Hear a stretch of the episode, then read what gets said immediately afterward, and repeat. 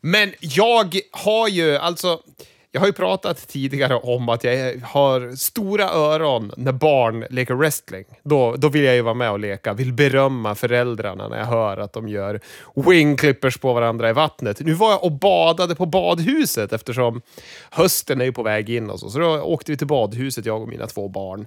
Och min son träffar en kompis här på badhuset och de börjar leka med varandra. Så ska de åka vattenrutschkanan. Min son hoppar upp, han skriker “Jag är Charizard!” och så åker han ner för vattenrutschkanan. Min son är sex år, hans kompis är fem, ska fylla sex. Han sätter sig på vattenrutschkanan och ropar “Jag åker som John Cena!” Och jag blir helt till mig. För det första så åker man tydligen som John Cena genom att skrika som en liten flicka när man åker och ser allmänt skrämd ut. Men sen kommer den här fem och ett halvåringen fram till mig eftersom jag blir så imponerad och bara “Va? Harry, hur kan du veta vem John Cena är?” Då ställer han sig jättenära mig och så säger han “Det kom en stark man och han hette John Cena”. så att eh, så påverkas dagens barn. Ja.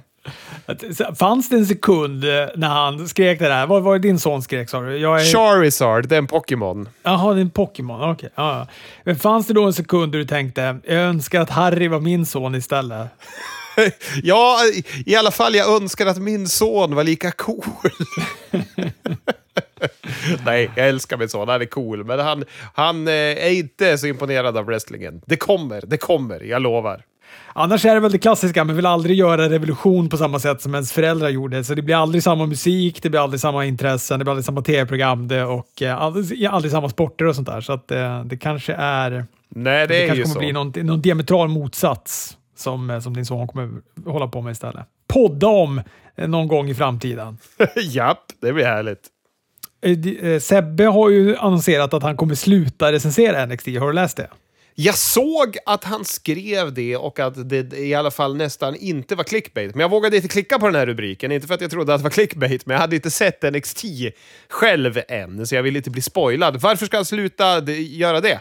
Nej, men för att det, det, är, det är inte bra längre. Han orkar inte. Han tycker inte att det är värt Eh, jag tycker inte att det är värt att lägga ner tiden. Och att han känner så här att han bara typ sitter och tittar på det och så här, ja men jag har några som jag tycker är lite spännande. Jag gillar Cameron Grimes och Adam Cole och så här, men men att det blir liksom ingenting i showen i sig som han känner är fängslande och värt att lägga ner tid på. Att, och han var också att typ, mina recensioner blir bara kortare och kortare. Jag skriver typ ingenting om det. Och att han hade suttit och tittat på tre matcher och bara känner så här, jag, jag, jag, vet typ inte ens vad jag tycker om de här tre matcherna jag har tittat på. Och då kanske det är dags att, att, att lägga av.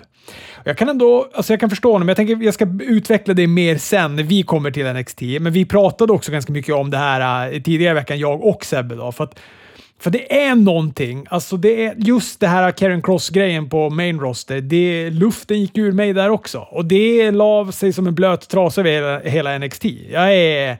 Nej, luften har gått ur mig på NXT också. Totalt. Jag fick mitt senaste nummer av Pro Wrestling Illustrated tidigare idag. Och det är ju det är väl en månads eftersläpning för mig, men i slutet på alla Pro Wrestling Illustrated då, då har de typ som en billboardlista när det kommer till singelbrottare, tag team-brottare och så vidare. Och de gör ju lite den här AEW-varianten, att det spelar roll med vinster och förluster, det spelar roll vilka man har vinster och förluster mot. På den listan på heavyweights på manssidan, då ligger ju Carrion Cross typ sexa i världen. Och sen plockar man upp honom på main roster och gör det jag inte ens fick se förra veckan. Ja, då fick han ju för sig vinna, men han klipps ju bort och så vidare. Det ska bli intressant att höra när vi går igenom Raw också, om det är något annat som har klippts bort den här veckan som jag inte har sett. Ja, men Raw var ju märkligt. Det var ju 300 matcher, ingen match längre än tre minuter. ja, det är eh, intressant. Det var även det Pro Wrestling Illustrated skrev också att årets fade var den som blev bortklippt och det var Ricochet mot Mustafa Ali hittills. Ja. Ja, det, det är besynnerligt. Det är verkligen besynnerligt. Ja, men han skriver att efter att, han, efter att ha recenserat bokstavligen varenda NXT-avsnitt sedan premiären 2010 så känner jag att, det kan, att jag kan kosta mig på att lägga ner det. Eller åtminstone ta, ett paus. ta en paus ett tag, skriver han. Så att, eh, vi får se. Han kommer recensera takeovers i alla fall, så det, det kommer man kunna hänga med ifall man nu bara konsumerar hans eh, recensioner. Ja, och om han inte är taggad för Takeover och Walter och Dragonov, då får han gå och lägga sig. ja, men det är också nästan den enda matchen att vara uppspelt över på det där takeoveret. Jo, men helvete, vi kommer ju prata om NXT sen, men jag eh, blev så jävla taggad för den matchen. Ja, nej, det, där, det gjorde de bra. Gjorde, och du sa väl det i förra, att du hade inte ens sett eh, förra matchen? Nej, precis. Och när jag såg, ja, fan vi pratade om det här redan, men när jag såg det här videopaketet de körde, då kände jag lite så här, det gör nästan inget. För att det är som att det är en mytisk match. Det här är fan som att eh, Ivan Drago har gjort någonting i Sovjetunionen på 80-talet. Man bara hört talas om den här brutala jävla matchen. Nu ska han komma till USA och visa hur det går till när man slaktar folk. Jag tycker att det är så jävla mästerligt uppbyggt. Max Caster har rappat över gränsen på Dark. Har du hört något om det här? Nej, jag, det enda jag hört är att du nämnde det i förbifart. Jag tycker det är roligt att båda snubblade in och kollade på Dark den här veckan. Men eh, jag har inte hört innehållet. Vad det var det som var så kontroversiellt med det han rappade om? Ja, men det var rader om, det var ganska mycket grejer, men det som de i alla fall har listat så var det då rader om eh, den här olympiska, vad heter hon, gymnastikstjärnan Simon Biles, eller Bills kanske man säger.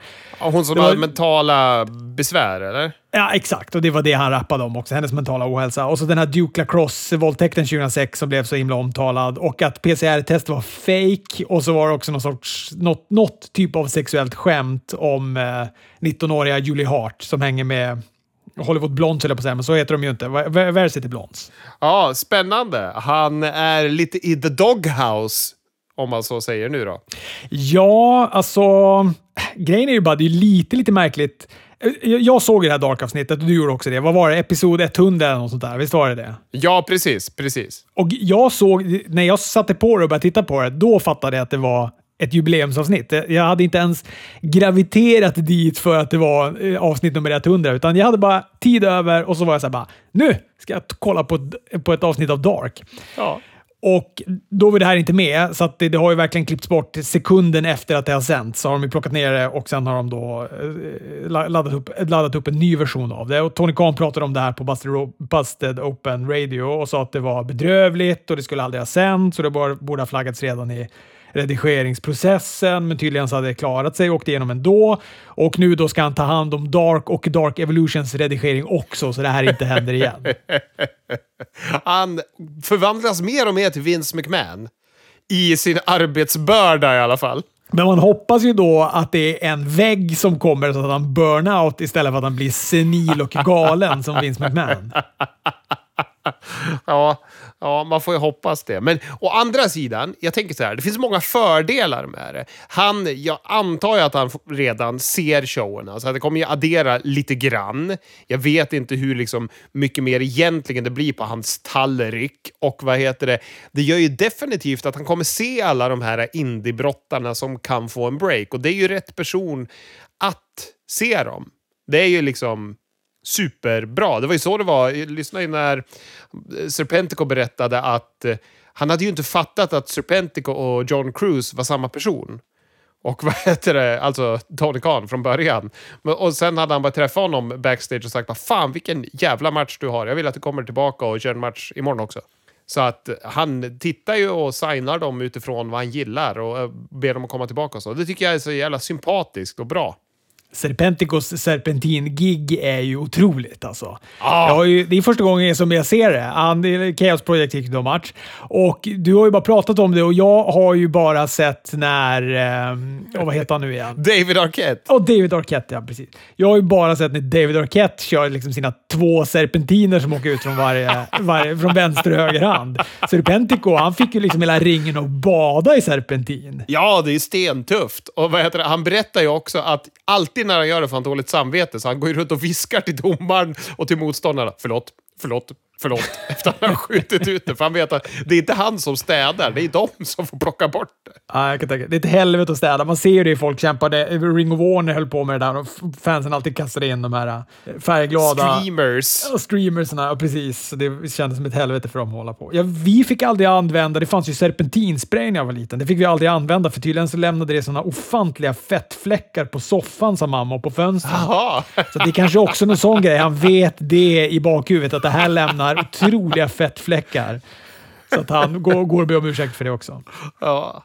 Det var ju stökigt runt Drew McIntyre och Veers avslut förra veckan. Det här avhandlade ju du och eh, din kära källa Anders. Eh, vi kan väl bara ta det lite igen för att jag lyssnade på Wrestling Observer. Jag tyckte det var så roligt när Lance Storm snackade om det här. En kort rekapitulation är ju då att Jinder Mahal föser in en stol åt Weir i matchen då. Men innan han hinner använda den då så gör ju då Drew en claymore kick på stolen så den åker in i Weir och Weir, Weir blir då diskvalificerad, vilket var otroligt förvirrande. För just den här grejen har vi ju då sett mängder med gånger och det har gått jättebra att göra så. Bland annat har väl Robin Dam byggt hela sin karriär i WWE just på att motståndarna tar in en stol som hamnar mellan han själv och en Van Daminator. Och i de fallen har det ju gått hur bra som helst. Det har ja. inte blivit någon diskvalifikation. Och de annonserade väl... Först var det väl Drew som var vinnare och sen så fick kommentatorerna gå in och säga att det var Veer som var vinnare eftersom då Drew hade använt den här stolen som ett vapen. Ja. Lance Storm snackade då om det här på Wrestling Observer och eh, då berättade han då att i början på 2000-talet så hade de då haft något möte när Vince typ hade fått för sig att nu, nu var det viktigt att man följde regelboken. Han hade haft något långt möte om regelbo vikten av att följa regelboken. Varpå Lance Storm då sträcker upp handen och frågar vad är reglerna? Och då hade Vince då vänt sig till JR och bara nästa vecka håller du i möte och går igenom hela regelboken. Och då hade Lance Storm också sett hur JRs ögon bara hade det. ja. Men jag har ju hört det. Jag har, jag har ju hört intervjuer med domare från WWE som säger att det där är ju lite vilken månad det är. Ibland ska de ju, om brottarna inte liksom slutar slå efter domarna räknat fem, då ska de diska dem. Och ibland så är det, nej, du ska inte diska dem, utan då får du börja prata med honom istället. Det är lite vad Vince har för humör för månaden. Ja, han sa det i Lance Storm också. Då, då hade det här, äh, just den här äh, just det här exemplet hade funnits med då. Att om motståndaren tränger in en stol, låt säga att han, motståndaren tappar stolen i backen innan han hinner slå den, alltså slå den andra då, och så åker han på en DDT på den stolen. Då har, får han ju skylla sig själv för att han har dragit in stolen och den andra gör ju bara en DDT och så råkar det ligga en stol där. Alltså det ska liksom inte påverka matchutgången på något sätt. Men då sa också Lance Storm att det var så här, jag tror att det tog en månad. Sen var det någon stjärna som ville ha något annat och då hade man bytt det då. Så att det var, den, där regelbo, den där regelboken var väldigt flyktig verkar det som. alltså, tänk att vara med på det där mötet när det är någon sån här, Det finns ju alltid någon sån där dryg på alla möten, på alla jobb, i hela, alla länder, överallt som ska dra upp så här dumma, långsökta exempel. Och alla om och men. Fy fan. Regelboksmötet från helvetet. Just också bara att han vänder sig om till JR och ber han hålla i mötet nästa vecka. Jag älskar det. ja, det är otroligt. Hörrni, Smackdown öppnar med John Cena. Det här är nog något som eh, vi kommer att få vänja oss vid, att det öppnar med John Cena. Vi har ju The Summer of Cena framför oss. De maxar så länge de har honom och det bär ju frukt. Så fort de eh, klämde in på de här showerna som hade sålt lite dåligt så ökade ju försäljningen kraftigt, om den kanske inte till och med sålde slut. Ja, du ser. Han eh, är fortfarande relevant. Men han är bra, han gör sin grej. Han snackar, han snackar i Roman, han, eh, att han tackade nej då till hans utmaning.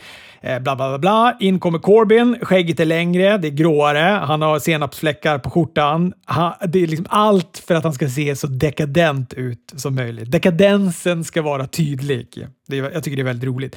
Och jag tycker att det här är det mest underhållande som de har gjort med Corbyn. Jag, jag, säger inte att det är bra, Chris, men jag tycker att det är det mest underhållande som de har gjort med Baron Corbyn. Ja, men eh, på något sätt så känner man att det kanske kan bära frukt också. För första gången på något sätt i allt han har gjort. Jag börjar... Men, däremot tycker jag det här segmentet med honom blev lite långt. Och, och, och, så. Men jag tycker också att det finns någonting, någonting litet där i som börjar vinna över mig. Han vill ha allmosa från sina pengar eller kanske någon liten roll i hans nästa film. Han får en sedel, men där tycker han då är lite snålt och då får han istället en attitude adjustment. Eh, och, eh, ja, men jag, tyckte det var, jag tyckte det här var en ganska bra start på Smackdown. Jag blev på gott humör i alla fall. ja, det är härligt. Det vill man ju vara. Jimmy Uso går match mot Rey Mysterio. Nu ska de väl para de här fyra i olika matcher fram till SummerSlam nästa år. Fy fan, varför kan det inte bara få vara andra som möter varandra. Och varför? Jag tycker fortfarande det är konstigt och lite olustigt att man highlightar Jimmy Uso. Kan inte Jay vara den som är framstående nu då, efter hans vad heter det, run-in with the law? Jag tycker det är lite konstigt. Men just begreppet gå vidare, det kan ju inte existera hos Vince McMahon. Det kan inte existera. Nej. Rey Mysterio vinner i alla fall efter att Dominic har assisterat han genom att hålla ner pinfallet utanför ringen utan att domaren ser. Efter en 619. Men jag måste bara säga att vad heter det, Ray, han är ju för fan i toppform oavsett liksom, det är tjatigt, det är tradigt och så vidare. Men jävlar vad jag tycker han rör sig bra i ringen nu för tiden. Och så kom Sasha Banks tillbaka. Det var Carmella och Selina Vega som avbröt en intervju med Bianca Belair. De gav sig på henne. Sasha kom till undsättning. Det var trevligt att se henne tillbaka. Publiken gillade henne. Reginald, som nu bara vill vara Reggie. Och vad är det här sen också? Och jag håller på, nu kommer jag få en meltdown när vi kommer till matchen. Men berätta lite om promon först. Nej, men han hade en okänd motståndare till sin 24-7-titel. Synd bara att hans introduktionsfilm också hade Reginald i versaler, så det hade de skitit i att byta ut. Han klipper liksom en lång promo om att han nu bara är Reggie. Och han har dumpat den här franska accenten, eller franska ja. eh, vad heter det, dialekten och det här. Alltså nu, men, men den grafiska profilen har inte riktigt tänkt med. Ja, skitsamma. Det jag tyckte var roligt med det här var i alla fall att han hade ju då en intervju backstage där han stod och pratade om att han har ögon i nacken. Han har installerat backspeglar på kundvagnen för att vara redo att vem som helst kan dyka upp bakom honom. Och som en skriven sketch så råkar ju någon roddare eller ljudtekniker, så klassisk Tommy Bolin-figur, ja. bara gå rätt in i bild bakom honom när han säger det här. Ja, så jävla dåligt. ja, men det är, det, den tajmingen är otrolig. Alltså, den är otrolig den tajmingen. Ja, den där praktikanten, han har bättre timing än den där stackaren på AW som alltid klipper fel. Han hade timing deluxe. Det är i alla fall Chad Gable som är hans motståndare. De går en ganska kort historia. Det är mer gymnastik när Reggie flänger runt. Chad blir diskvalificerad när Otis plötsligt lägger sig i och hoppar på Reggie. Men hur kan man bli diskvalificerad? Alltså, vad, vad, är det här? Det är väl bara pinnan efter diskvalifikationen då? Jag förstår inte. 24-7. Du kan ju bli uträknad när som helst. När dök det upp diskvalifikation i den här titeln? Ja, eh, alltså när, när de springer runt backstage, då är, då är då allting är, är liksom 24-7. Men så fort de har flyttat in i ring, då är det där som en jävla interkontinentaltitel helt plötsligt. Ja, det är så... Alltså, det är sånt där. Alltså, jag kan köpa det alla dagar i veckan att de har Benny Hill-gänget, men när de liksom viker av från sina egna regler och sitt eget liksom, lilla universum de har byggt upp, om de bryter mot de naturlagarna, då blir det ju bara hål i huvudet och jag blir förbannad. Visst har de sagt också någon gång att när det är match i ringen, då gäller inte heller de här... Då kan inte Benny Hill-figurerna komma in och pinna dem under tiden som det pågår en match, va? Jaså, det är så? Att det har jag inte uh, hört. Oh. Jag fattar det som att det är det. När, när, när 24-7 match är i ringen, då kan man inte liksom komma in och springa och ta pinfall på någon under tiden som den matchen är. Men det är precis som du säger, det hindrar inte honom att lägga sig efter Chadge, eller efter Otis har mosat honom och lägga han och ta täckning då. Det är bara att han måste ropa dit en domare. Och det är NXT han ska sluta titta på, säger du? När vi får sånt här briljant på main roster. Sen vankas det kontraktskrivning mellan Finn Balor och Roman Reigns. Allt handlar om John Cena allt. Roman klipper en promo på sina, bla bla bla bla. Balor, han sitter bara där som en parentes. Det är alltså, jag blev så förbannad av det här. Det är två segment på raken som bara får mig att vilja stänga av tvn. För aldrig någonsin har Finn Balor sett så obetydelsefull ut som här. Jag pratade i förra veckan om vilken stjärna han ser ut som när han kommer in och hur jävla mäktigt det är med publikstödet och så vidare. Och så här är han en jävla kuliss. Jag fattar att de vill lägga krutet på John Cena. Men skit i den här grejen med Finn Balor då. De hade inte behövt göra De hade inte behövt ta den här omvägen på en vecka eller vad det nu har varit. Det är Inte så att det har varit en lång utdragen angle där John Cena gör allt för att få den här matchen mot Roman Reigns. Utan det har, det har att göra med en vecka eller något sånt där. Det är verkligen det är ingenting. Och John Cena är en sommarkatt. Han är borta sen. Han är, det är SummerSlam, sen kommer det inte vara någonting mer med honom. Och jag har ju känt mig svinsugen på Roman Reigns mot eh, Finn Balor. Men nu har ju den parningen, i och med det här så har den parningen bara urholkats helt och hållet. Och en sak till, jag kan lita på att Tony Khan, han kan plocka upp Hangman mot Kenny Omega om ett halvår eller ett år framåt och Hangman kommer förmodligen vara lika het och den fejden kommer bara liksom ha legat och pyrt på under tiden som de har pysslat med en massa annat. Men inte i WWE. De har ju liksom, det förtroendet har de ju bränt för länge sedan. Nu är det ju över för Balor. Ja. Nu är han ju Karrion Cross. Ja, ja fy fan. Vad är det med Vince och folk som kommer upp från NXT? Kan han för fan skärpa sig? Roman skriver på, Finn ska skriva på, men då kommer Corbin in bakifrån och tar ut Balor. Han ska då skriva på istället, men då kommer John Cena in, tar ut Baron Corbin med en attitude adjustment igen och så skriver han då på det här kontraktet istället. Och så har vi då fått eh, John Cena mot Roman Reigns på eh, SummerSlam. Något som vi hade kunnat räkna ut från början. De hade inte ens behövt ta den här krångliga omvägen. Och vad, då, vad blir det då Finn Balor mot Baron Corbin på på Summers. Nu ska de mötas i och för sig på fredag här, men det kommer ju säkert bli någonting som mynnar ut i att de ska gå en match på SummerSlam. Men det blir så Det känns ju som att Corbin är på väg att ska turna face på något vis. Eller, eller är det bara känslan jag har? Alltså det känns inte som att han är... Han försöker ju vara healig i promos, men han, det är ju på något sätt... Det är ju en för rolig situation, så man tycker ju om han lite. Ja, men det var inte förra gången som eh, Dolph Ziegler och Robert Roode också snodde pengar av honom, vilket känns otroligt jo. tidigt efter att Shotzi Black har skjutit någon sån här äh, det, skumgummikanon i skrevet på honom. Och då känns han ju face. Och Kevin Owens är där och klappar om honom och sånt där. Men han känns ju otroligt helig när han har sina promos och pratar om att det är bedrövligt att åka kommunalt och sitta bredvid folk som luktar Paco Rabanne och såna saker. Ja, äh, svår, svårt att sätta fingret, men tyvärr har du nog rätt. Det blir Balor Corbin SummerSlam. Ja, och det känns ju som sju trappstegs kliv, eller ja, det känns som sju trappsteg ner i ett kliv för, för Finn Balor. Och då tycker jag ändå att Baron Corbin är mer spännande än någonsin nu. Ja, det säger ju lite. Ja, det är svårt.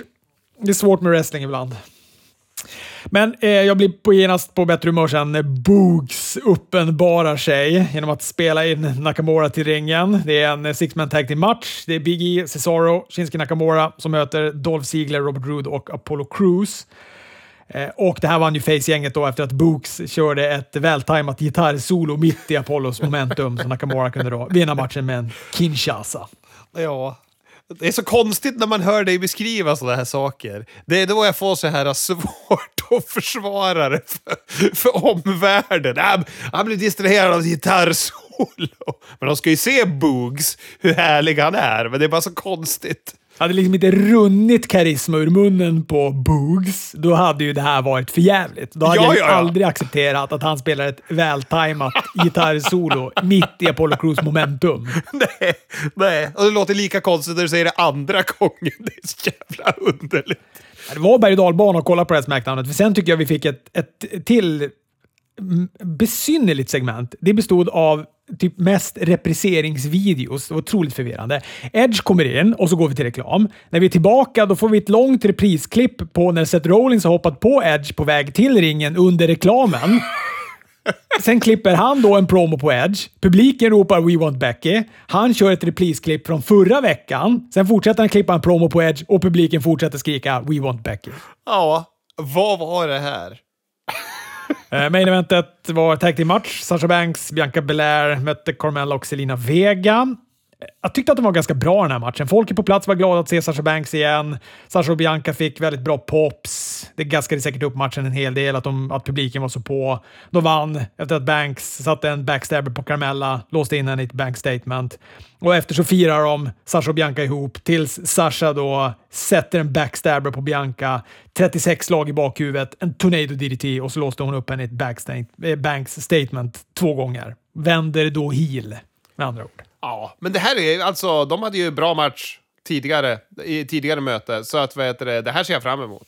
Ja, eh, verkligen. Deras WrestleMania-match var kanon, så det här kommer nog bli, den kommer nog bli bra den här också. Jag tvivlar inte. Låt oss då eh, ta oss an Raw. 336 matcher, alla på tre minuter. Bobby Lashley börjar med att eh, tugga, om, eh, tuggar på om Goldberg. Publiken ropar Goldberg. Goldberg kommer in. Han klipper en promo som om han läser en busstidtabell, fast med liksom så här wrestling-pastischröst. Den är så otroligt skriven den här promon. Det, är, det här är manus inlärning 101, men inte så mycket känsla.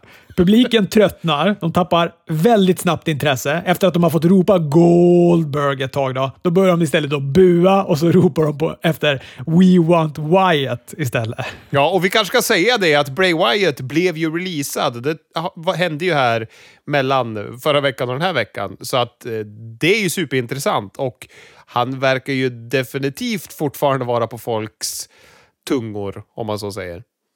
Ja, just det, det kändes som att det var så länge sedan, så jag trodde ni hade pratat om det i förra veckans podd. Men det har ni inte gjort, nej, utan det var ju den här veckan som det hände. Jag lyssnade på inför eh, Dynamite så hade Cody ett sånt här, ja, men, som de har ibland, där pressen får ställa massa frågor. Ja, ja.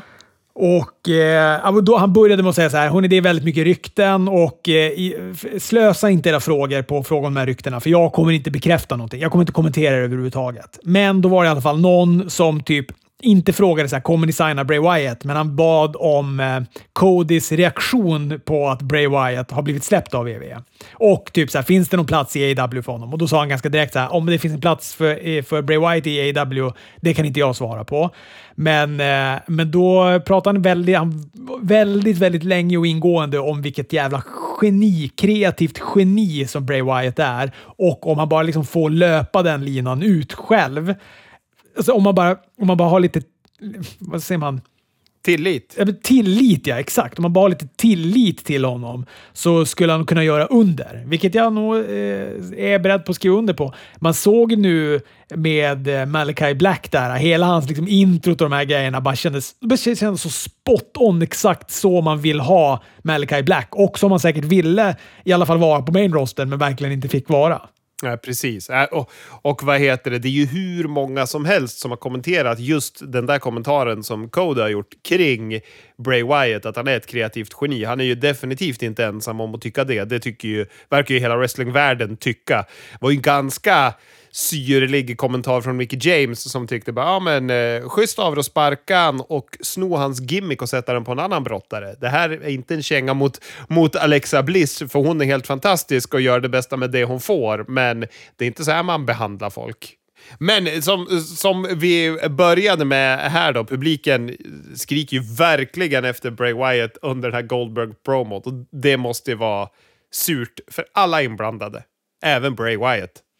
Goldberg eh, snackar om att det spelar ingen roll om han är 35 eller 200 år gammal. Han lever för sin spear och Bobby Lashley ska dö av hans spear. Och sen lämnar han ringen. Men kommer snabbt tillbaka med en spear på MVP efter att Lashley och MVP hade muckat med hans son som stod i ringside. Och hans son känns ju som att han har blivit 20 år äldre än när han tog in honom och tvingade av honom t-shirten och stå och posera i ringen. I ett sådär väldigt awkward moment då. Jag kommer, jag kommer ihåg det så väl för att hans son såg så otroligt ointresserad ut av wrestling.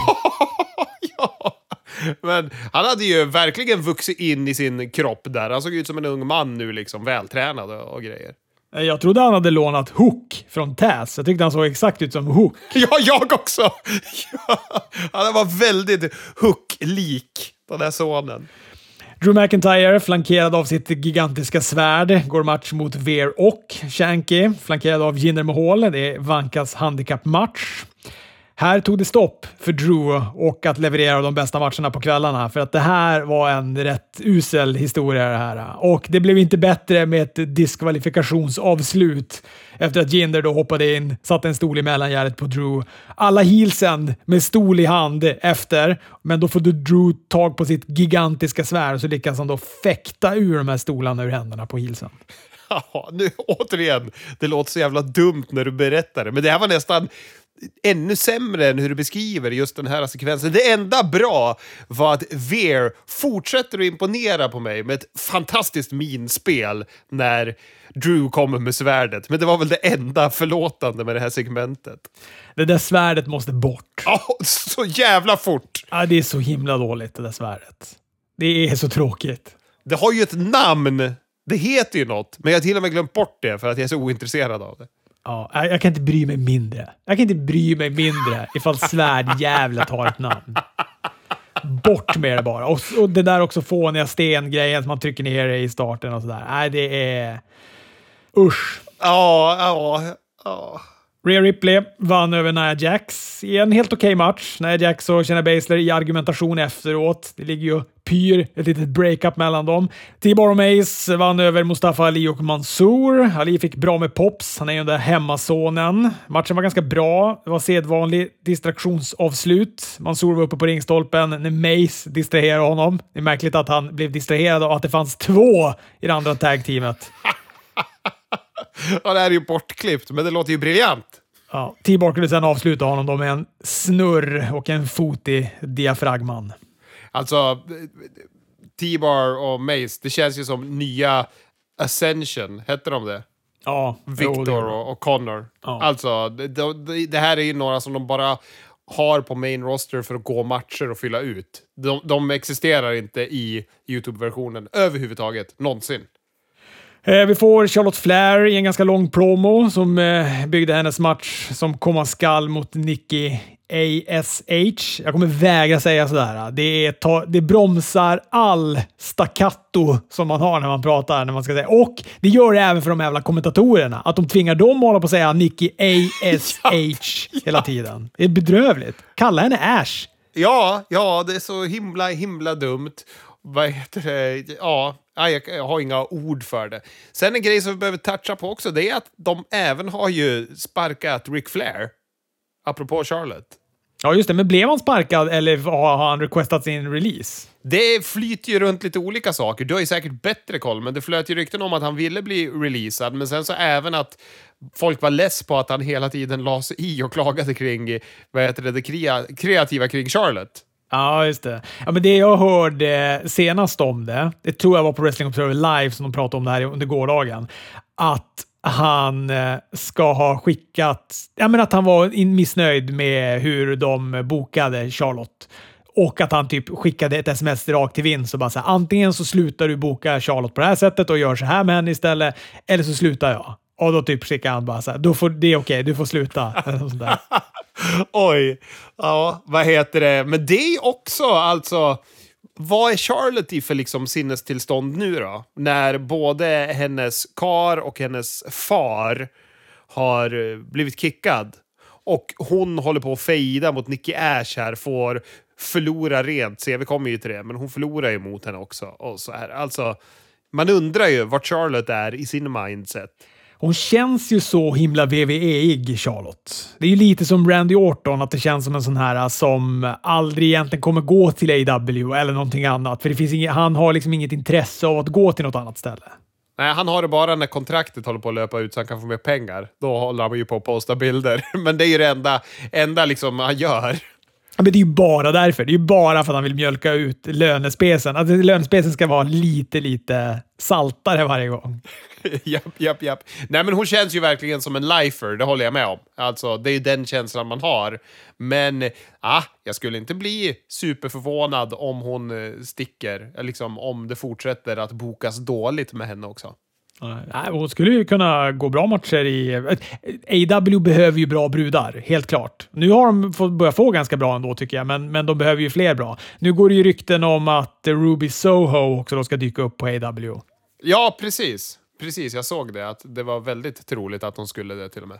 Ja, men den här Charlotte Flair-promon var i alla fall ganska lång och eh, den var kanske lite för lång. Jag gillar dock att hon har svårt att koppla bort när publiken inte lyssnar eller när de börjar ropa efter Becky Lynch. Hon kan inte, det klarar inte Charlotte Flair, utan då ska hon kommentera det och ska hon in där och peta i det. Och jag gillar ändå det. Att hon ger sig in där och börjar gaffla. Ja, men hon gör ju att publiken blir en del av showen också. När hon är i ringen, då är det ju fängslande, även om det är långt och kan bli lite tradigt. Och jag tycker att det är en dålig storyline hon är mitt uppe i.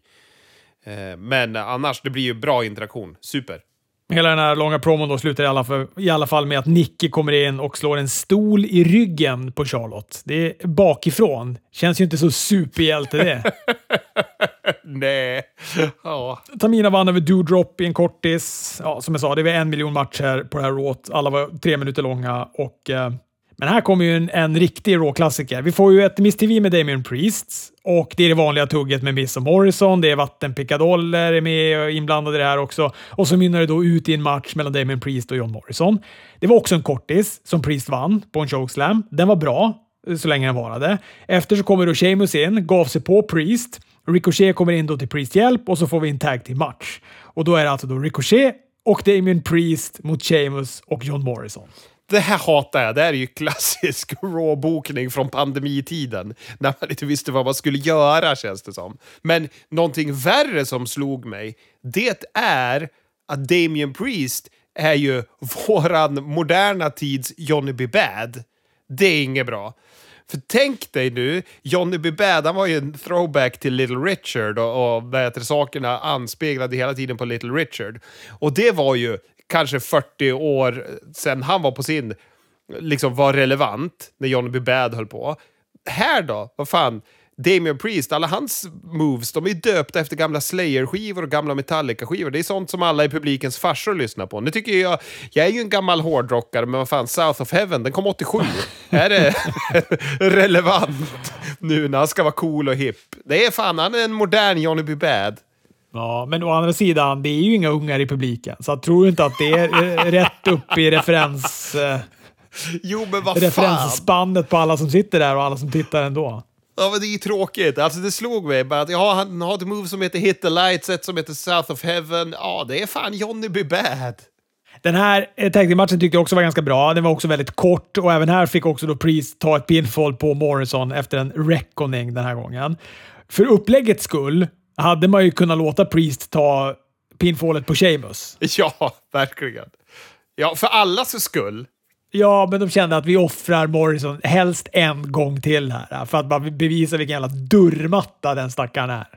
Ja, men de vill väl ta bort alla pops han fick på Money in the Bank, är inte det så? Fan, den här killen börjar bli över. Det vill vi inte! Det är Miss som är stjärnan i det här teamet. Nu dödar vi han. Omas eh, går mot Riddle och eh, ja, Omas kastar ju mest runt på Riddle, försökte få honom uträknad. Riddle lyckades komma tillbaka med några springande knän, men Omas satte P för det momentumet med en close line följt av en tree slam och eh, vann den matchen. Men är inte Omas bra här? Alltså, för vad han är? Jag tänkte precis säga det. Jag tyckte Omas såg bra ut här och jag tyckte att han har varit ganska tråkig de senaste gångerna.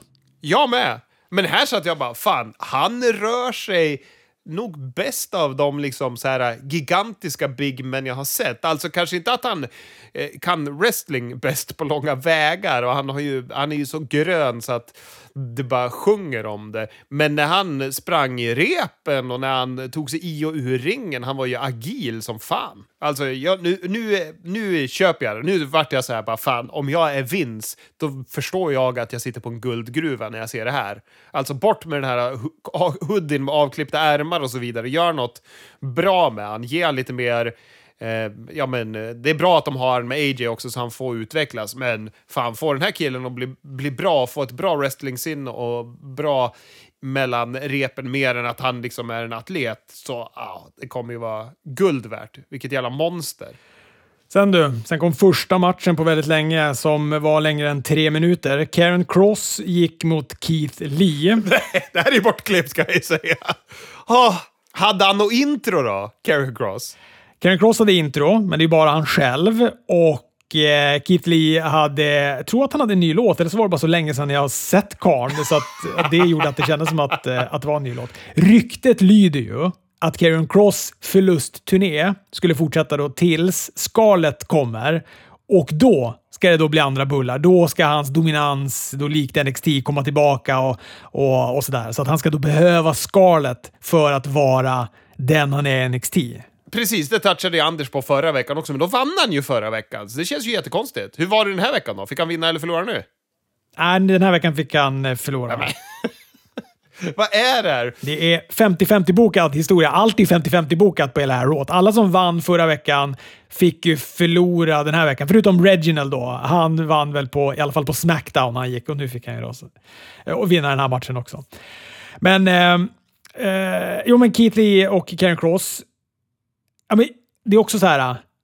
Det där är ett väldigt djärvt sätt att bygga sina stjärnor på. Det är okonventionellt också, om inte annat. Ja, men vad heter det? Hur reagerar publiken? Tycker de om Karrion Cross? Bryr de sig? Vad, vad händer? Nej, tyvärr så var ju de inte så investerade i det här. Jag kan ju inte klandra dem heller. De ropade NXT och jag tror det var lite We Want Wyatt och så. Ja, det var rätt eh, ljummet mestadels av matchen.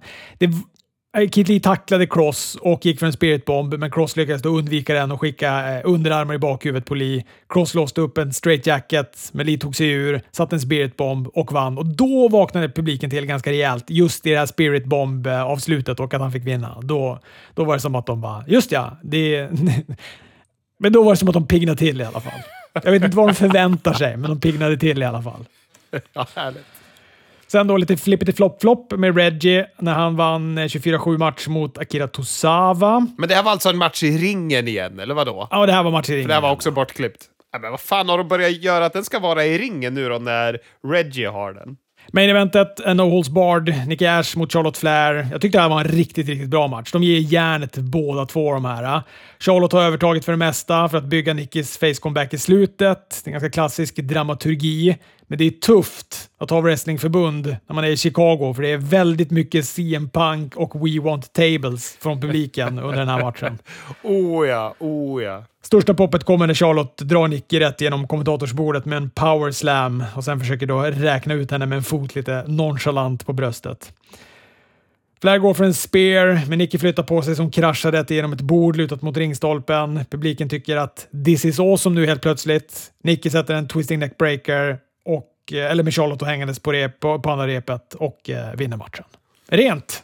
Ja, eh, lite överraskande att det är så pass rent tycker jag. Ja, eller så rent det nu kan bli en no holds bar. De har i och för sig haft stolar Ja, och sådana där grejer också. I och för sig, om det ska vara till något försvar. Men jag, ändå, jag, för jag har ju läst så mycket rapporter om att eh, Nicky Cross, Nicky Ash har blivit så buad på house shows. Jaha, oj då, det visste jag inte. Spännande. Det kan jag tänka mig. Ja, de har inte alls köpt den grejen. Den här superhjältegrejen. Nej, och det förstår jag. Jag köper den inte heller. Men jag måste även kommentera här ändå eh, motsatsen i publiker ändå. För om vi jämför här då, eh, på det här Raw, deras flaggskeppsshow. Eh, nog för att man är i Chicago då, och man, men man får både We Want Wyatt, man får CM Punk, man får Becky Chance och så vidare. Men sen spolar vi vidare till Dynamite och publiken där. De tjäntar ju aldrig någonting som inte har med matchen att göra. Det måste ju tala lite om hur liksom, mer meddragen och hur mycket mer investerad man blir i det som pågår i ringen. Sen, sen just det här Becky Lynch-chansen mot Charlotte, det är ju faktiskt, det är dock något positivt, för det är ju mot något som pågår i ringen. Och Charlotte reagerar på det, så det ska man väl kanske inte eh, ta ifrån WWE. Det funkar ju bra. Men just det här eh, Wyatt-chanten mot Goldberg, det har ingenting med något att göra där. Det är bara, vi bryr oss inte i den här skiten ni har i ringen. Ge oss Wyatt, han var bra. Och de är ointresserade av Nicky Ash, tror jag. Då börjar man prata om tables, man börjar prata om CM Punk, för det är deras go-to-grej i Chicago. Men det har vi ju inte i Dynamite, på något sätt. Nej, men det är som att när publiken gör det där, när de ropar We want Wyatt, det är ju deras sätt att Eh, bua. Fast de kan inte bua, för de vet att Vince bara tror att det är bra hit ifall de buar. Exakt, exakt, exakt så är det. Och det är lika när de på sent 90-tal eh, skanderade Easy Dub på WWE-shower. För det var, ju, det var inte att de ville se ECW, det var ju att de ville inte bua. De ville bara säga att vi vill ha något annat. Vi vill inte ha det här. Och det är så himla tydligt på den här showen att publiken zonar ju ut. Det är också någonting, när det då väl buas av missnöje i AW, då tycker jag att man hör att det här buet är av missnöje. Som när Kenny Omega vann matchen mot... Eh, oh, gud, nu kommer jag inte ihåg vem det var. Men eh, inte Hangman Page, för den har inte gått. Ja, men den här senaste, med den, Don Callis var med och alla la sig in utanför ringen. Och, Vem fan mötte han då? ja, vad fan mötte han? Var, det känns som att det var Hangman, men det var det inte va?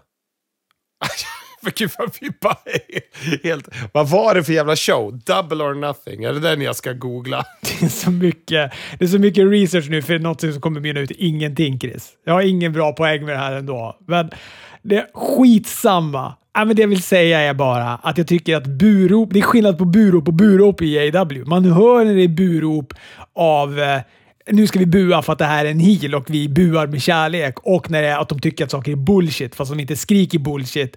Eller blåser upp en jävla badboll. Eller ropar efter John Cena exempelvis. Exakt. Nej, men det har du ju helt rätt. Det är skillnad på hetta och vad heter det, X-Pac hit. Eller vad man ska säga. Nej, men så här, vad heter det, missnöjes hit. Det har du helt rätt, rätt i. Och det hörs. Det är, det är nog lägre frekvens på buropen när det är bullshit.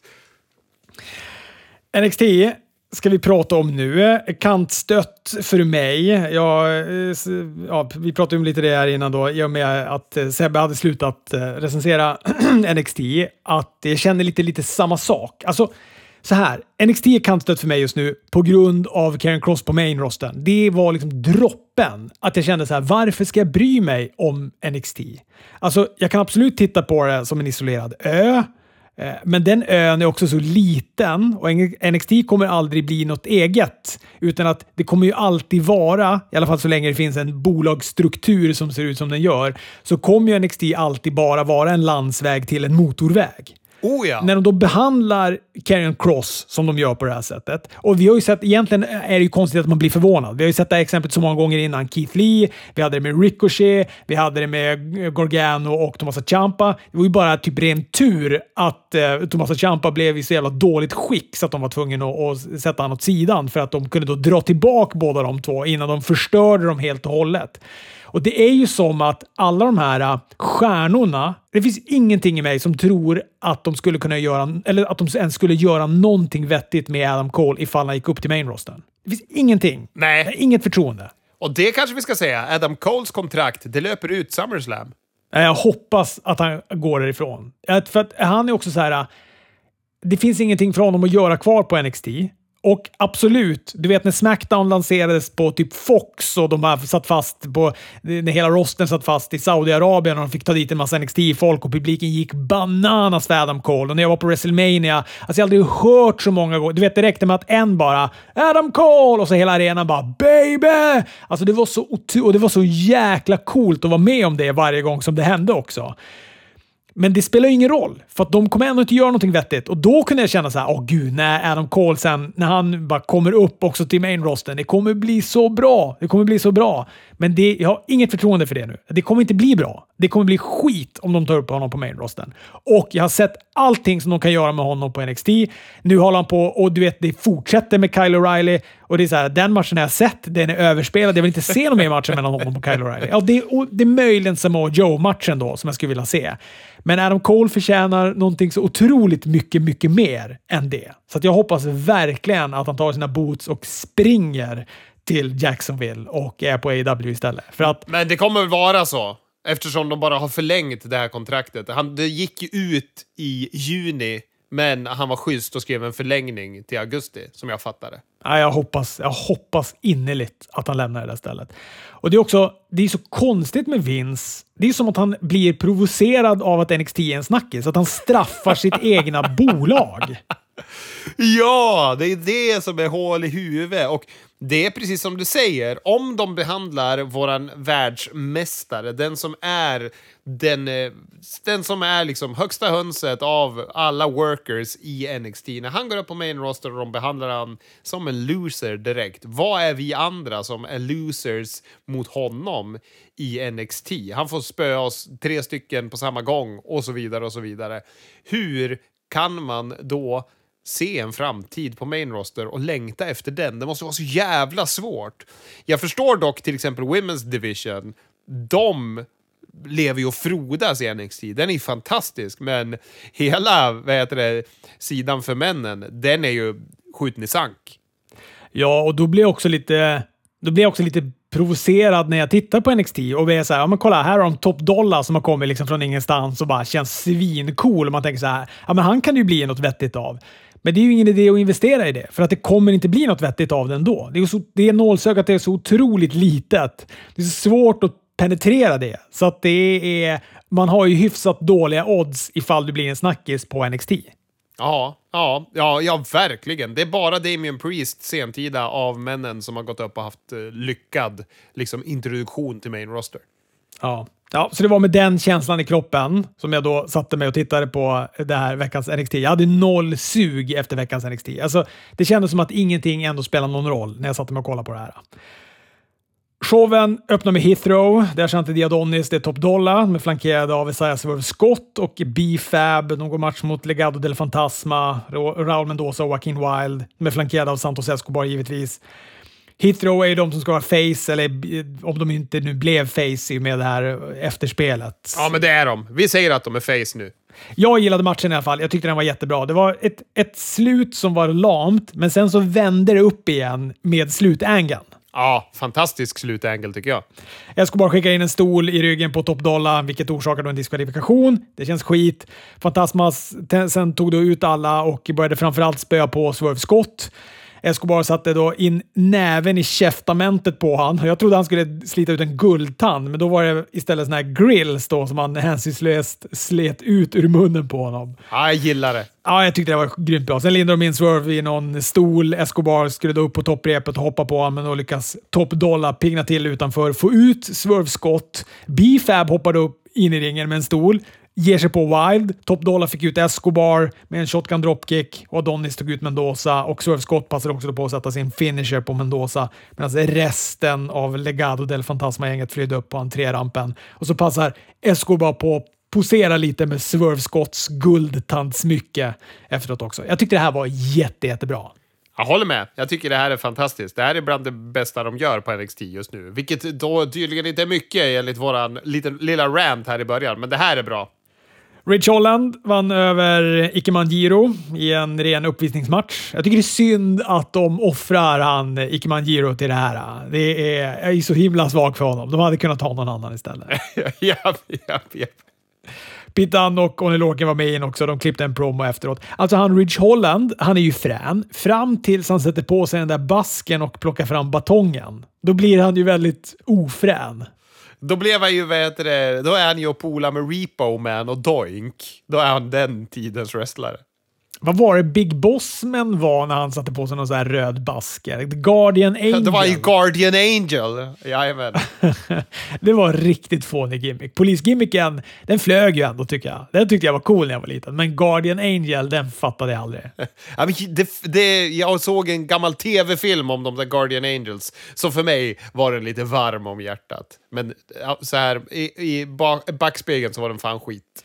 Roderick Strong ihop med Diamond Mine vann över Bobby Fish. Det var också en bra match, men det här upplägget det har inte gjort något för mig. Alltså det, är, det har inte gjort någonting för mig, det här upplägget som de har. Nej, nej, det är... Ja, jag vet inte. Jag, jag zonar ut under den här matchen. Jag tittar på den på autopilot och tänker ja, den här är ju bra, men jag bryr mig ju inte. Strong eh, med ett hoppande knä följt av en falling backbreaker och fick en ren vinst. Han ska väl få möta Kushida va? tack vare den här vinsten, kan man ju säga. Grizzly Young Veterans vann över LA Knight och Cameron Grimes i en match som transformerades till en två mot en handikappmatch eftersom Knight vägrade Grimes en tag och lämnade istället. Och eftersom kommer Teddy Biasi in och säger till Grimes att han måste hitta en väg ur det här. Men bra, alltså Grizzled Young Veterans är fan fantastisk de. Ja, det är bra. Jag vet inte om den här LA Knight Cameron Grimes-grejen nu börjar bli lite uttjatad kanske, eller? Det är som att det... Oh ja, oh ja! Men det känns ju som att den håller på att ta slut också när, när DiBiase kom in och pratade. Den tar väl slut på Takeover, får vi hoppas. Trey Baxter vann över Joey Gaze eller Joe Gacy, kanske han hette, eh, och avancerade i den här NXT Breakup-turneringen. Jag tyckte den var bra den här matchen. Vi fick en 450 footstomp som avslut. Det är inte illa det. Han ser ju ut som en blandning av Buddy Murphy och Amazing Red, Baxter. ja, ja, du har rätt i. Det gör han. Det gör han. Sen är det en ganska lång video där Zoe Stark pissar på det japanska köket. Ja, det var så dåligt det här. Det här var, jag tyckte så synd om Zoe Stark som blir tvingad att vara någon Ja, jag vet inte vem man kan dra en liknelse med, men det är bara en dålig komedisketch.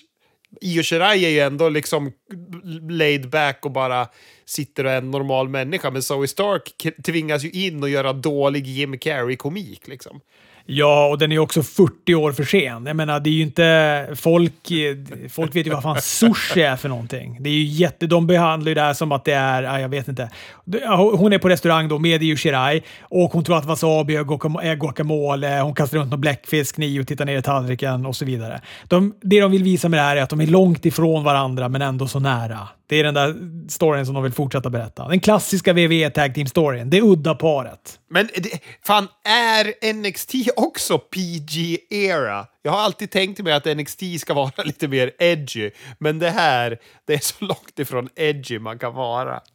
Karen Cross och eh, Samoa Joe de bygger på sin fade som eh, jag tycker har avdramatiserats enormt i och med hans förluster på main roster. Alltså jag, jag kan inte vara nog tydlig med, med, min besvikelse för det här. Men det är verkligen så här, någonting som jag också såg lite fram emot och tyckte var coolt. Och det kändes som en, en vitamininjektion att Simone Joe skulle komma in nu. Vi skulle få se en massa nya roliga matcher. Men det är alltså Karen Cross, eller Karen Cross är ju ingenting nu. Han förlorade mot Jeff Hardy. Alltså det är inte... Och Keith Lee som inte har gått en match på hur länge som helst. Ja, det är så jävla tråkigt. För att det har ju tagit bort allt eh, som var elektriskt med det här upplägget. De har dödat det. De har dödat sitt eget main event på Takeover. Ja, sen blir vi glada i alla fall och vi får ju se Walter mot Ilja Dragunov på Takeover 36 om NXT UK-titeln. Det, det ser jag verkligen fram emot. Men de har vänt på dagarna här nu. Det är dagen efter SummerSlam. Alltså SummerSlam går natt mot lördag och Takeover går natt mot söndag. Men eh, ja, och det får de gärna göra när de gör såna här videopaket. Det här var fan om Zoe Stark och Io Shirai var bedrövligt och bara daterat och sämst så var det här magi för mig. Fy fan vad jag varit taggad. Fy fan vad Walter är underbar på presskonferensen också när han blir förbannad och börjar prata tyska med honom och bara titta på mig din jävel. Ah, det är så otroligt bra. Det är så effektivt att ta till det tyska språket när man blir förbannad. Ja, ja, ja det är... Och han, men han är ju fantastisk karismatisk när han pratar engelska också. Han är ju så jävla bra. Ja, ah, han är kanon. Han är kanon. Och eh, ja, men fantastisk video. De rekapitulerar ju också lite från deras förra match, bygger då eh, för att bygga mot den här nya. Den förra var ju magisk och eh, jag kan ju då tänka mig att det här kommer bli ännu bättre för nu kommer vi få publik också. Ja, ah, alltså jag, jag blir taggad bara vi pratar om det nu. Det här, fan, jag kan skita i alla matcherna som var på NXT och allt trams, för det här gör mig så otroligt taggad för Takeover. Hade jag inte haft WWE Network, hade, det här hade fått mig att köpa pay-per-viewen om det, om det var så man gjorde för att se det här. Nu ser jag ju det på Network, men alltså, ah, väldigt bra gjort. Sen är det dags för main event. Det är Johnny Gargano mot Dexter Loomis i en Love Her or Lose Her-match. Vinner Loomis då får han Indy Hartwell. Förlorar han då kommer han aldrig få vara i närheten av henne igen. Det är besöksförbud kommer The Way ansöka om då. Typ. ja, det är så dåligt. Bara, oh. Jag tycker matchen var helt okej, okay, men och är det någon som kan plocka ur en bra match ur Dexter Loomis så är det väl Gargano.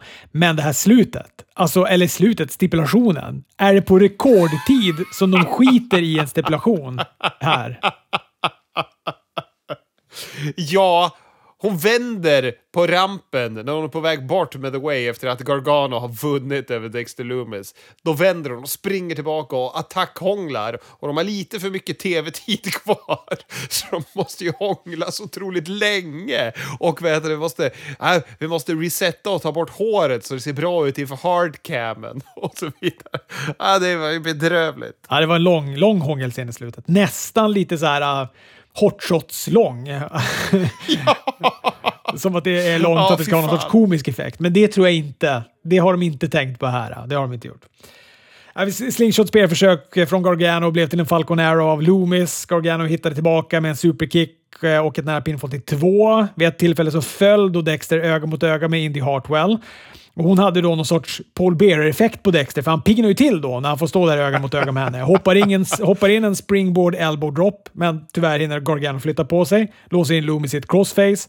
Loomis eh, får tag på repet. Hartwell hoppar upp på ringkanten. Gargano går då fram till Hartwell och börjar gaffla med henne.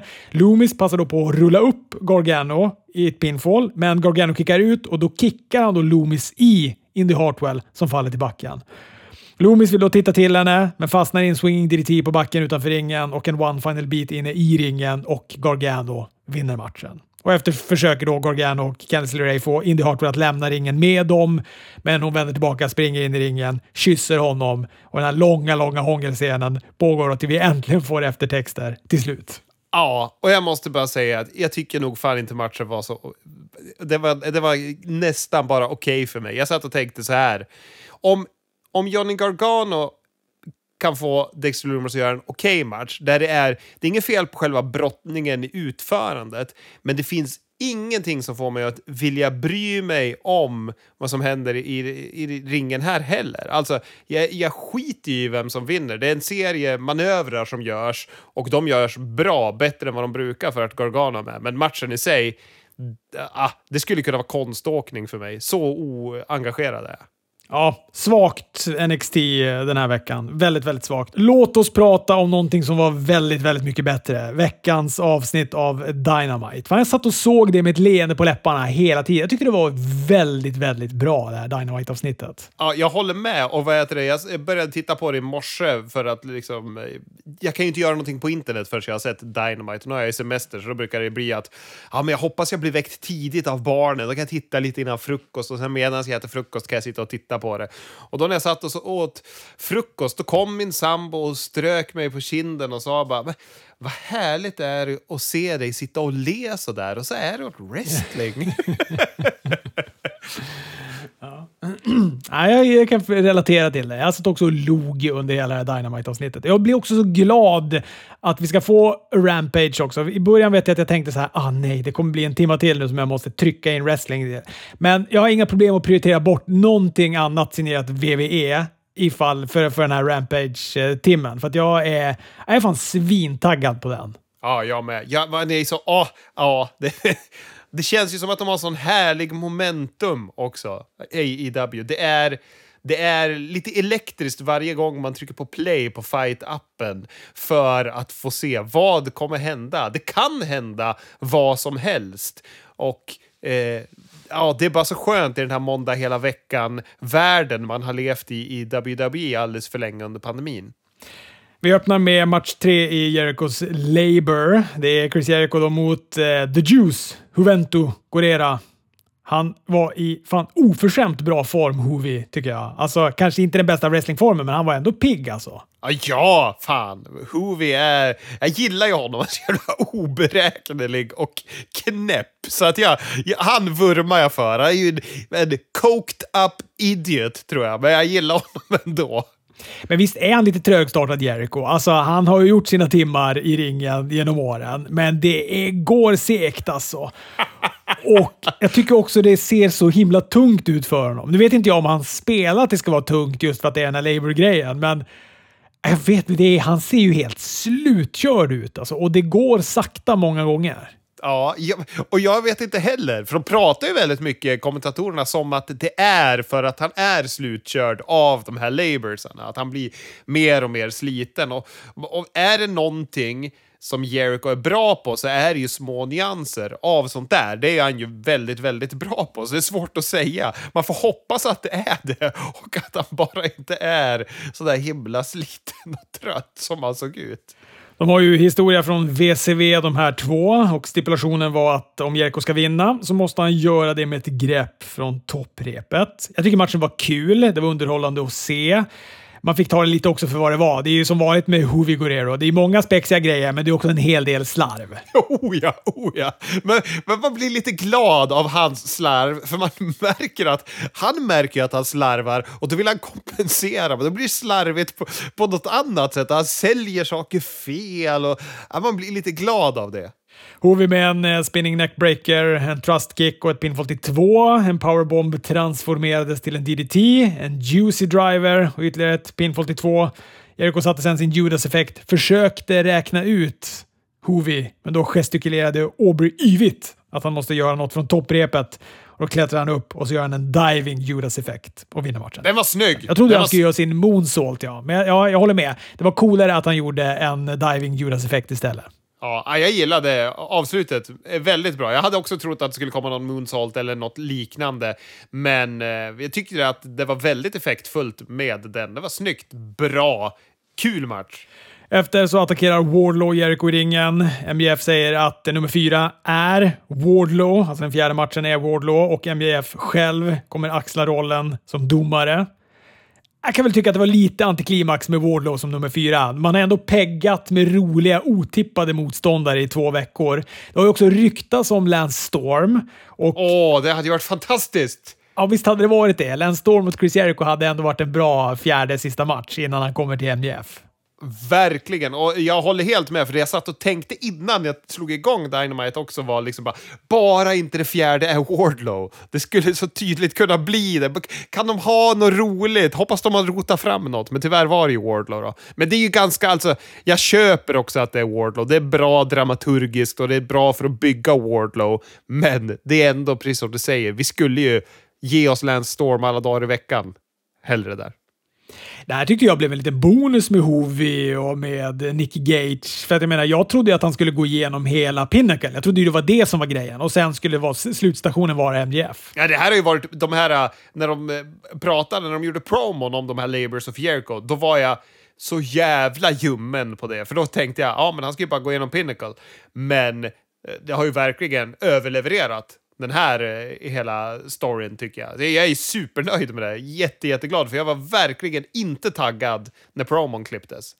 Hangman Page går rätt in i en Dark Order-intervju backstage. Han ursäktar sig, för han ska ju bara gå dit och plocka en öl. Dark Order frågar var han har varit. De har försökt få tag på honom och så vidare. och så vidare.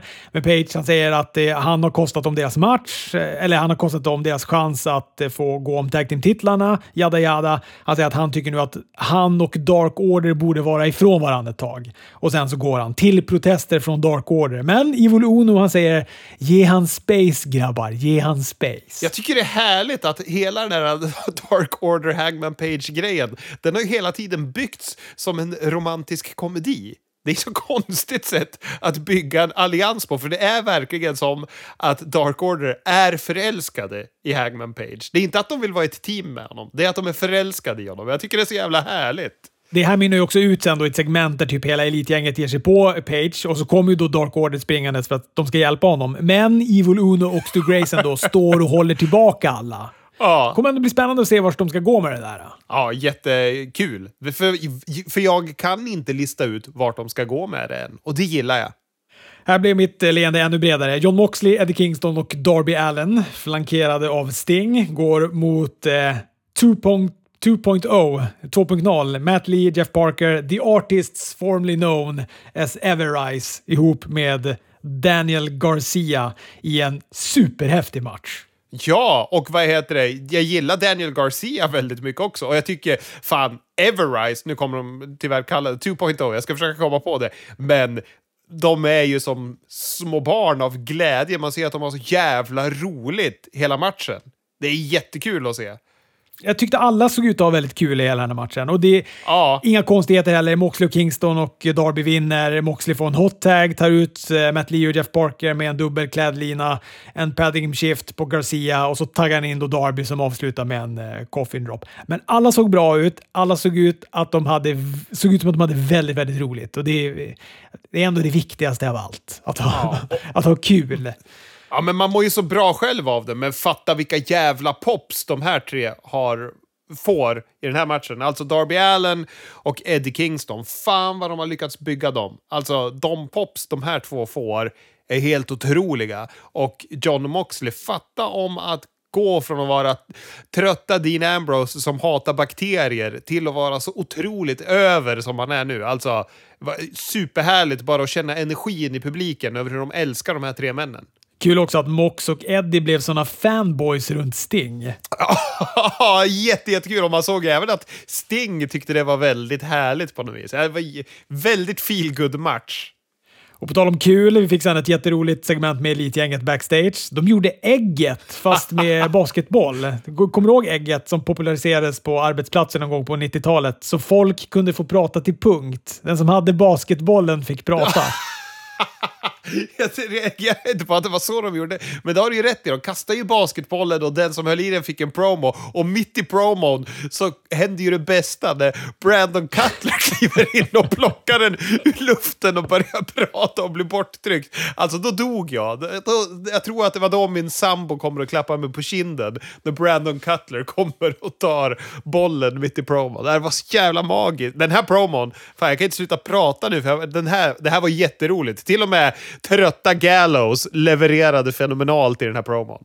Han hade någon bizarr rock på sig i guld också, eh, Gallows. Ja, han, han får ju tydligen rock när han vinner matcher. Han är ju, han är ju the robe collector. Jättekonstigt. Ja, jätte, jättekonstigt. Nej, men det här var ett jättebra segment. Dark Order ska då gå om Good Brothers Impact-titlar nästa vecka på Dynamite. Bucks snackar också om att det finns inga kvar till dem att möta. De kommer få begravas med de här titlarna. Det känns ju som att de ändå peggar upp för någonting eh, stort, eller något stort motstånd eh, mot dem när de håller på att sådär kaxiga. Exakt, och lika sa ju, det sa ju även eh, Kenny Omega, att vi vi, kommer behöva retira allt det här. Vi behöver hänga upp våra jerseys i taket och så vidare. Vem tänkte du säga att du tror att det ska vara mot Bucks?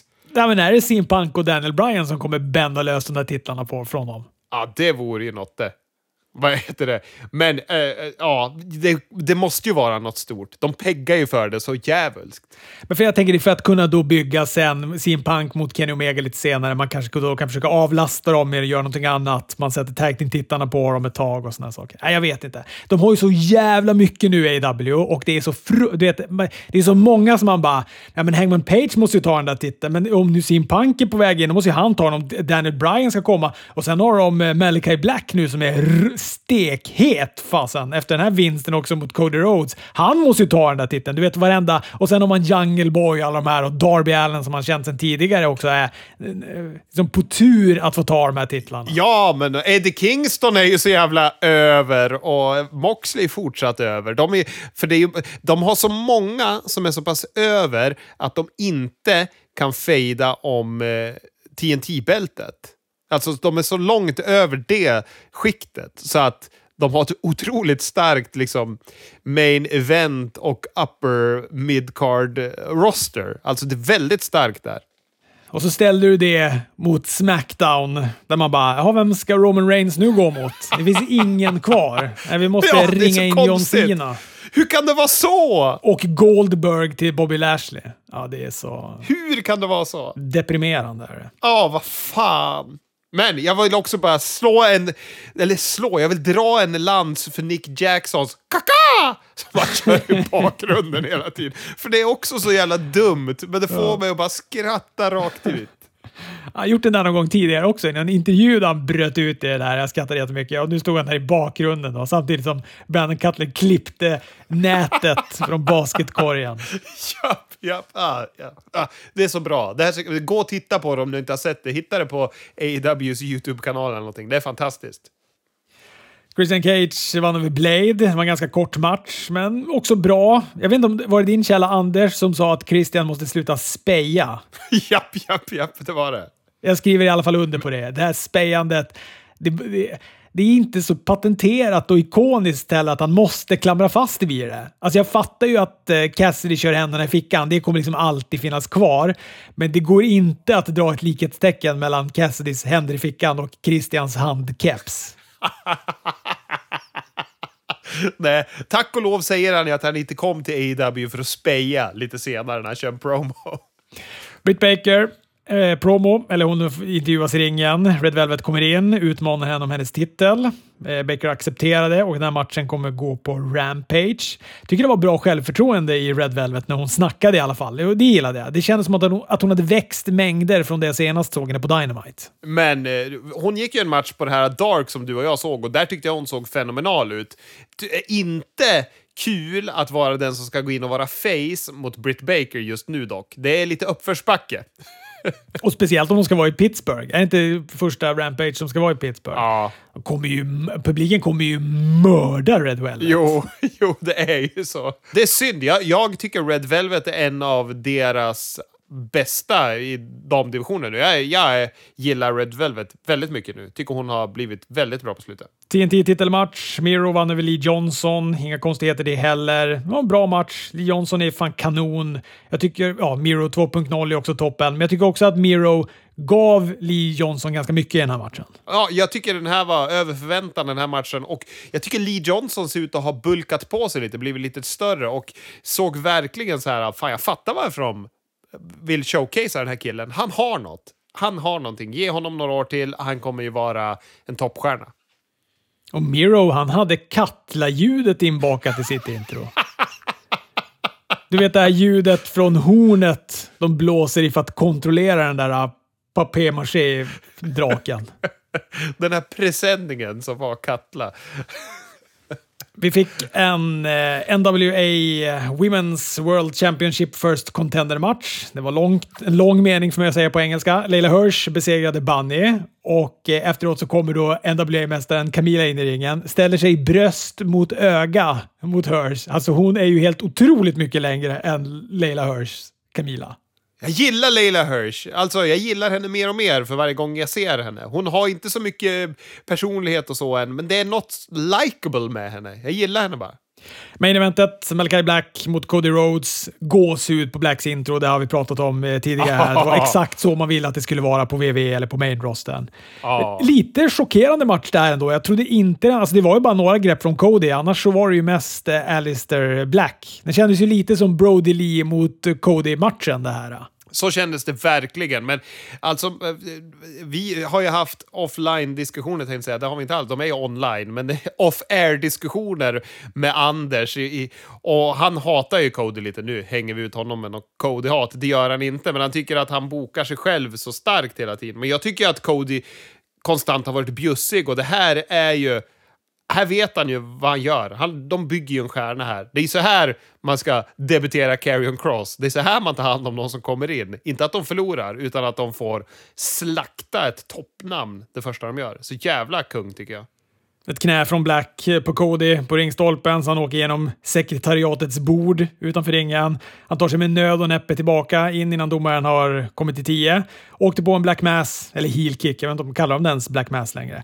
Och sen så räknar han då ut eh, Cody med en fot nonchalant på bröstet. Ja, snacka om att bygga allt här. Man bygger för matchen, alltså rematchen. För jag vet, det kommer ju även ett, ett segment efter, eller vad man ska säga, lite liten angle-grej efter. Men man bygger ju upp finishern. Black Mass ser ju dödlig ut. Han kan pinna honom med en fot efter den. Och man bygger ju Malachi Black superstarkt på hela sättet. Och publiken älskar ju Malachi Black också.